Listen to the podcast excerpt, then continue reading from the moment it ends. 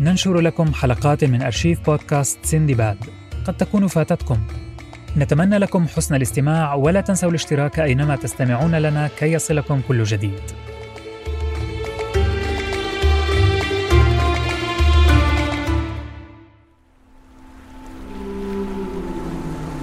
القدر. جمعني بكم من جديد أيها البشر. مغامراتكم أتت بكم إلى سطحي. لستم الأوائل. لا قد أتاني هو من قبلكم. أتعرفون عن السندباد شيئا؟ هم لعلي أخبركم إحدى حكاياته.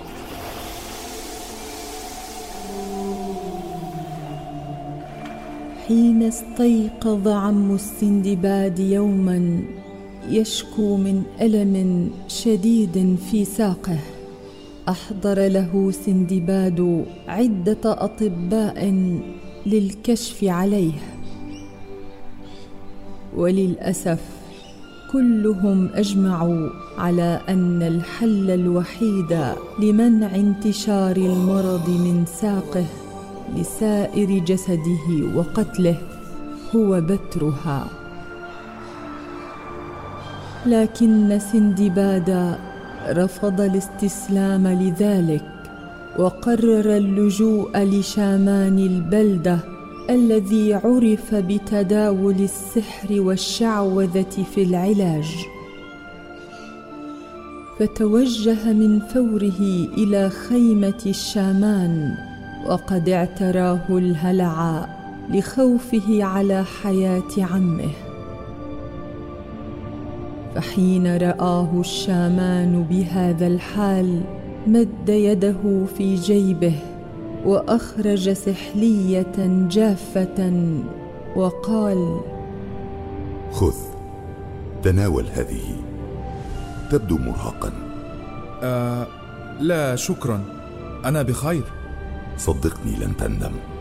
إن هذه السحلية نادرة ومفعولها سحري.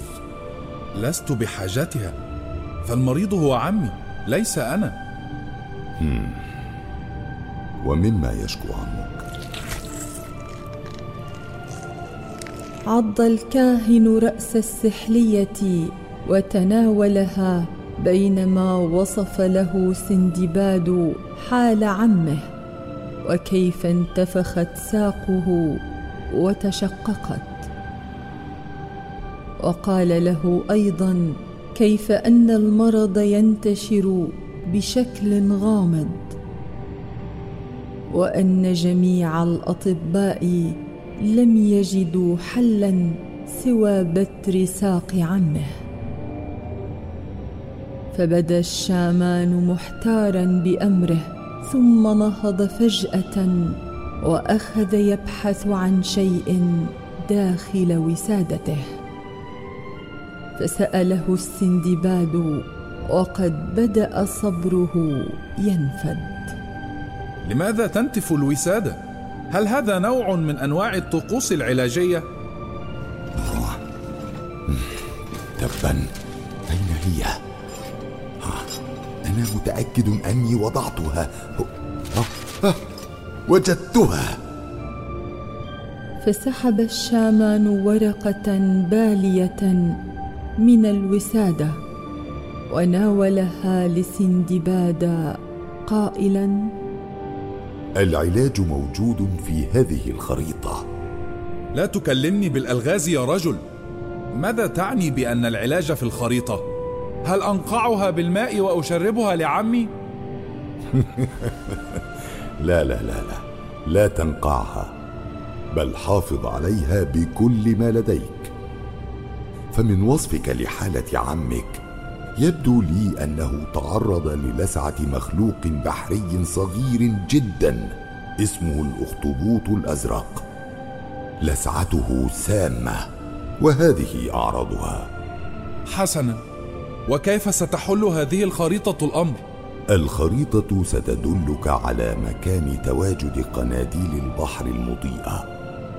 هي مخلوقات نادرة لا تتواجد إلا في البحر المحيط للجزيرة التي في الخريطة.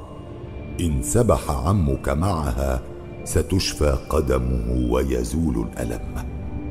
فإن لضوئها الساحر خاصية علاجية مدهشة تعالج أي علة مهما كانت.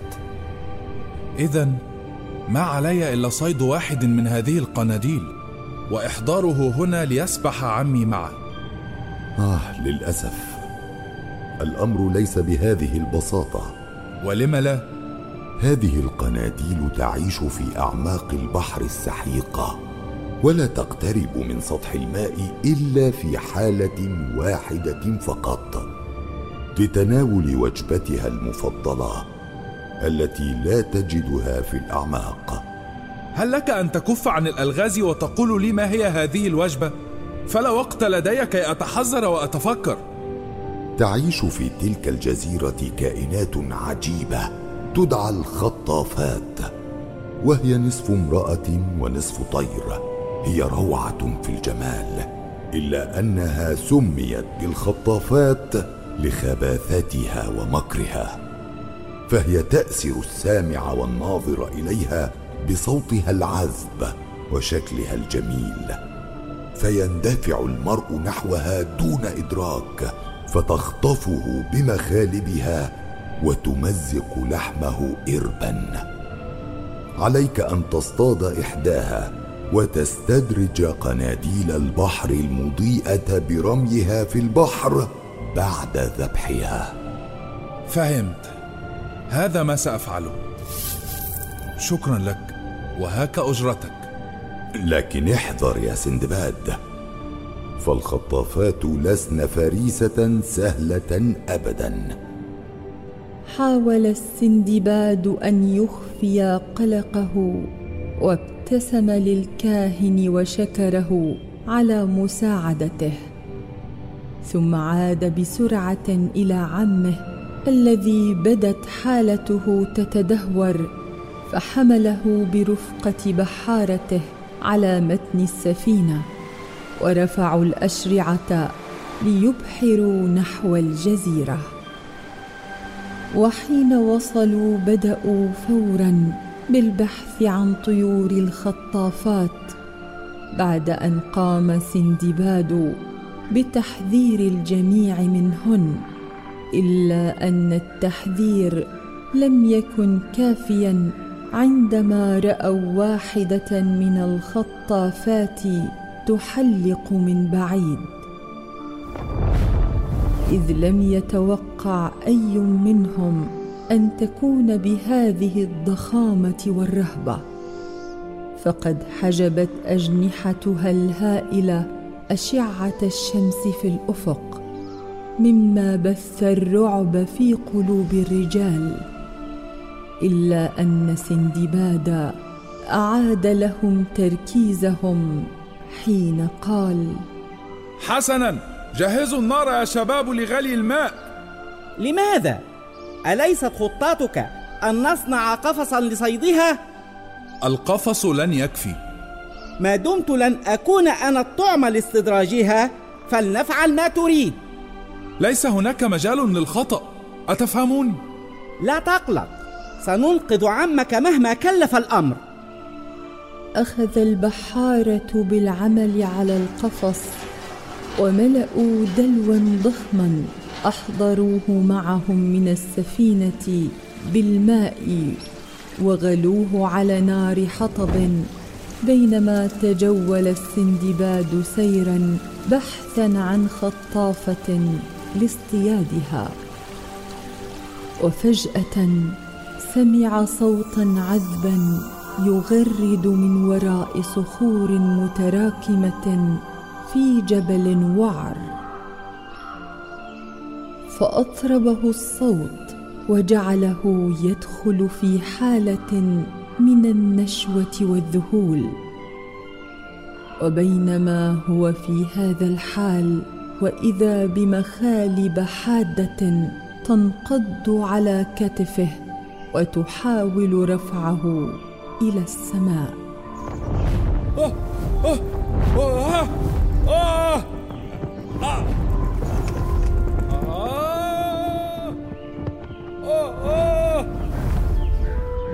وشأني.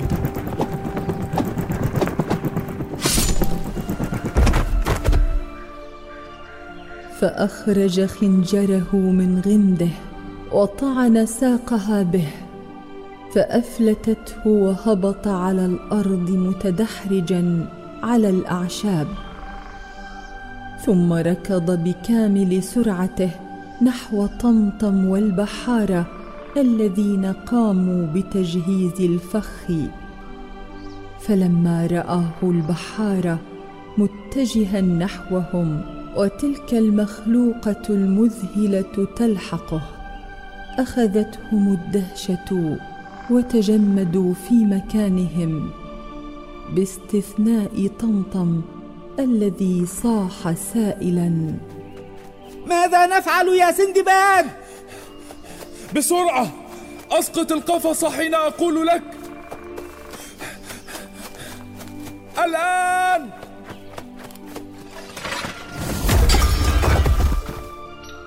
تدحرج سندباد على الأرض إذ أمسكت به الخطافة واخذت تخدشه بمخالبها بشكل مفترس.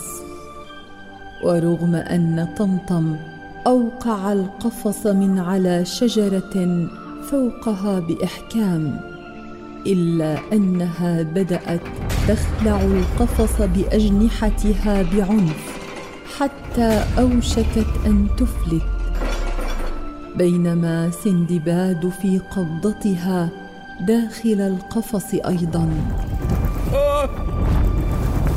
آه. الماء بسرعة صب ماذا تنتظر؟ ولكن أنت أيضا بالقفص يا سندباد صب يا طمطم الآن قبل أن تفلت. هيا! حاول سندباد ردعها من خلع القفص ولكنها همشته بقوة إلى أن صب طمطم الماء المغلي على جناحيها فأصدرت صوتا حادا. بألم شديد. ثم هبط طمطم والبحاره من الشجر وهجموا على الخطافة التي أصبحت قليلة الحيله من دون قوة أجنحتها. وربطوها بالحبال ثم سحبوا سندباد من تحتها وهو يتألم من حروق الماء المغلي. انظر إلى هذه الحروق. لن أسامح نفسي أنني تسببت بتشويه جلدك. لا عليك يا صديقي فأنا من طلب منك أن تفعل ذلك. الحروق لا تهم. المهم أن يشفى عمي. اتجه سندباد مع رجاله إلى السفينة حاملين الخطافة على ظهورهم. ثم رموها على سطح السفينة لتحضيرها كطعم للقناديل المضيئة. راقبها جيدا يا طمطم سأذهب لأتفقد عمي. بالتأكيد. سنقتلك بشكل رحيم ولن نلتهمك كما كنت تنوين أنت. عاد سندباد مع عمه الذي كان يمشي. باستخدام عكازه. ورغم مرضه الشديد قفز خوفا عندما انتبه لوجه الخطافة التي حدقت به بعينين فارغتين من بعيد. يا إلهي ما هذا الشيء؟ هذه الذبيحة التي سنقتلها كي نستدرج القناديل التي ستعالجه. ومن سمح لك أن تقتل امرأة من أجلي؟ ليست امرأة يا عمي. إنها مخلوق هجين. نصف امرأة ونصف طائر. وإن رأيت كيف كانت على وشك أن تلتهمني ما قلت هذا؟ ربما كانت تدافع عن نفسها. لقد هجمت علي بالجبل قبل أن نفعل أي شيء. لماذا تجادلني هكذا؟ ألا تريد إنقاذ قدمك؟ ليس هكذا. بينما أخذ السندباد وعمه بالشجار لم يكن طمطم منتبها حين اقتربت منه الخطافة بجسدها من خلفه. وضربته برأسها على رأسه وقضمت أذنه. الحقني يا سندباد! المفترسة اللعنينة. أمسك السندباد بخفة رمحا طويلا يستخدمونه لاصطياد الأسماك ورماه عليها. فاخترق ظهرها ووقعت ساكنة فوق طمطم الذي كان ممددا تحتها كفريسة ضعيفة. يا شباب بسرعة! لنلقيها بالماء قبل أن يجف دمها. ركض السندباد والبحاره نحو طمطم وتعاونوا في حمل الخطافة الضخمة ثم رموها بالماء. أشعر بالدوار وأذني راحت. لا تقلق سوف تأتي القناديل التي تعالج كل العلل قريبا وتعود أذنك كما كانت. أرجو أن تكون محقا. وبعد بضع دقائق بدأ الماء تحت السفينة يتوهج بالأمواج من الأنوار الملونة وأحاط شعاع ساحر بسفينتهم من كل جانب فحجب عنهم رؤية أي شيء حولهم. وبدا وكأنهم داخل عالم آخر أقرب للأحلام والخيال من الواقع. فحل الصمت التام بينهم وهم يحاولون استيعاب هذه اللحظة الآسرة التي بثت في قلوبهم سعادة غامرة. لم يفهموا سببها. إلى أن التفت سندباد نحو عمه وقال قال لي الشامان إن كل ما عليك فعله هو السباحة مع هذه القناديل يا عمي. فهل أنت مستعد؟ ماذا إذا لسعتني هذه القناديل؟ يمكنني أن أقفز قبلك يا عم. أنا مستعد للمجازفة. وأنا كذلك. هيا يا عمي لا داعي للخوف. قفز السندباد وطمطم في الماء بلا تردد فما ان فتحا أعينهما تحت الماء حتى أدركا أنهما محاطان بالقناديل المضيئة التي كانت تتحرك بتموجات متناغمة وكأنها تعزف الموسيقى. بدأت القناديل تقترب منهما ولاحظا أنها تقصد أن تحوم حول جروحهما. فمنها ما تجمع حول حروق سندباد وغيرها تجمع حول أذن طمطم إلى أن زال الأذى عن كليهما. وما أن عادا مجددا إلى سطح الماء حتى شعرا بصحة وحيوية فائقة. انظر يا عمي لقد اختفت كل حروقي. وأنا كذلك يا عم القناديل فعلا سحرية. حقا أمر عجيب وغريب. فحتى النضارة تشع من وجهيكما. فقد تعيدني هذه القناديل شابا من جديد. ها أنا قادم يا قناديل الشفاء. انشرح صدر عم السندباد لهذه القناديل المتوهجة وشعر بالألم ما ان قفز بساقه في الماء ولكن ما هي إلا ثوان وبدأ يشعر بأن الألم يزول وأن الحيوية والسعادة والراحة تدب في قلبه. فارتسمت على وجهه هو أيضا ابتسامة لم تفارقه حتى بعدما عاد للسفينة وسأله سندباد. كيف تشعر يا عم هل أنت قادر على تحريك ساقك أجل. أستطيع التحرك والسباحة كحوريات البحر الآن. تنفس سندباد الصعداء وشعر بأن كل همومه تلاشت عن صدره. وأخذ يسبح باسترخاء مع عمه وبقية البحارة مستمتعين بطاقة وحيوية وسعادة. إلى أن اختفت القناديل مجددا كما تختفي النجوم من السماء عندما تكشف الشمس عن بدء يوم جديد.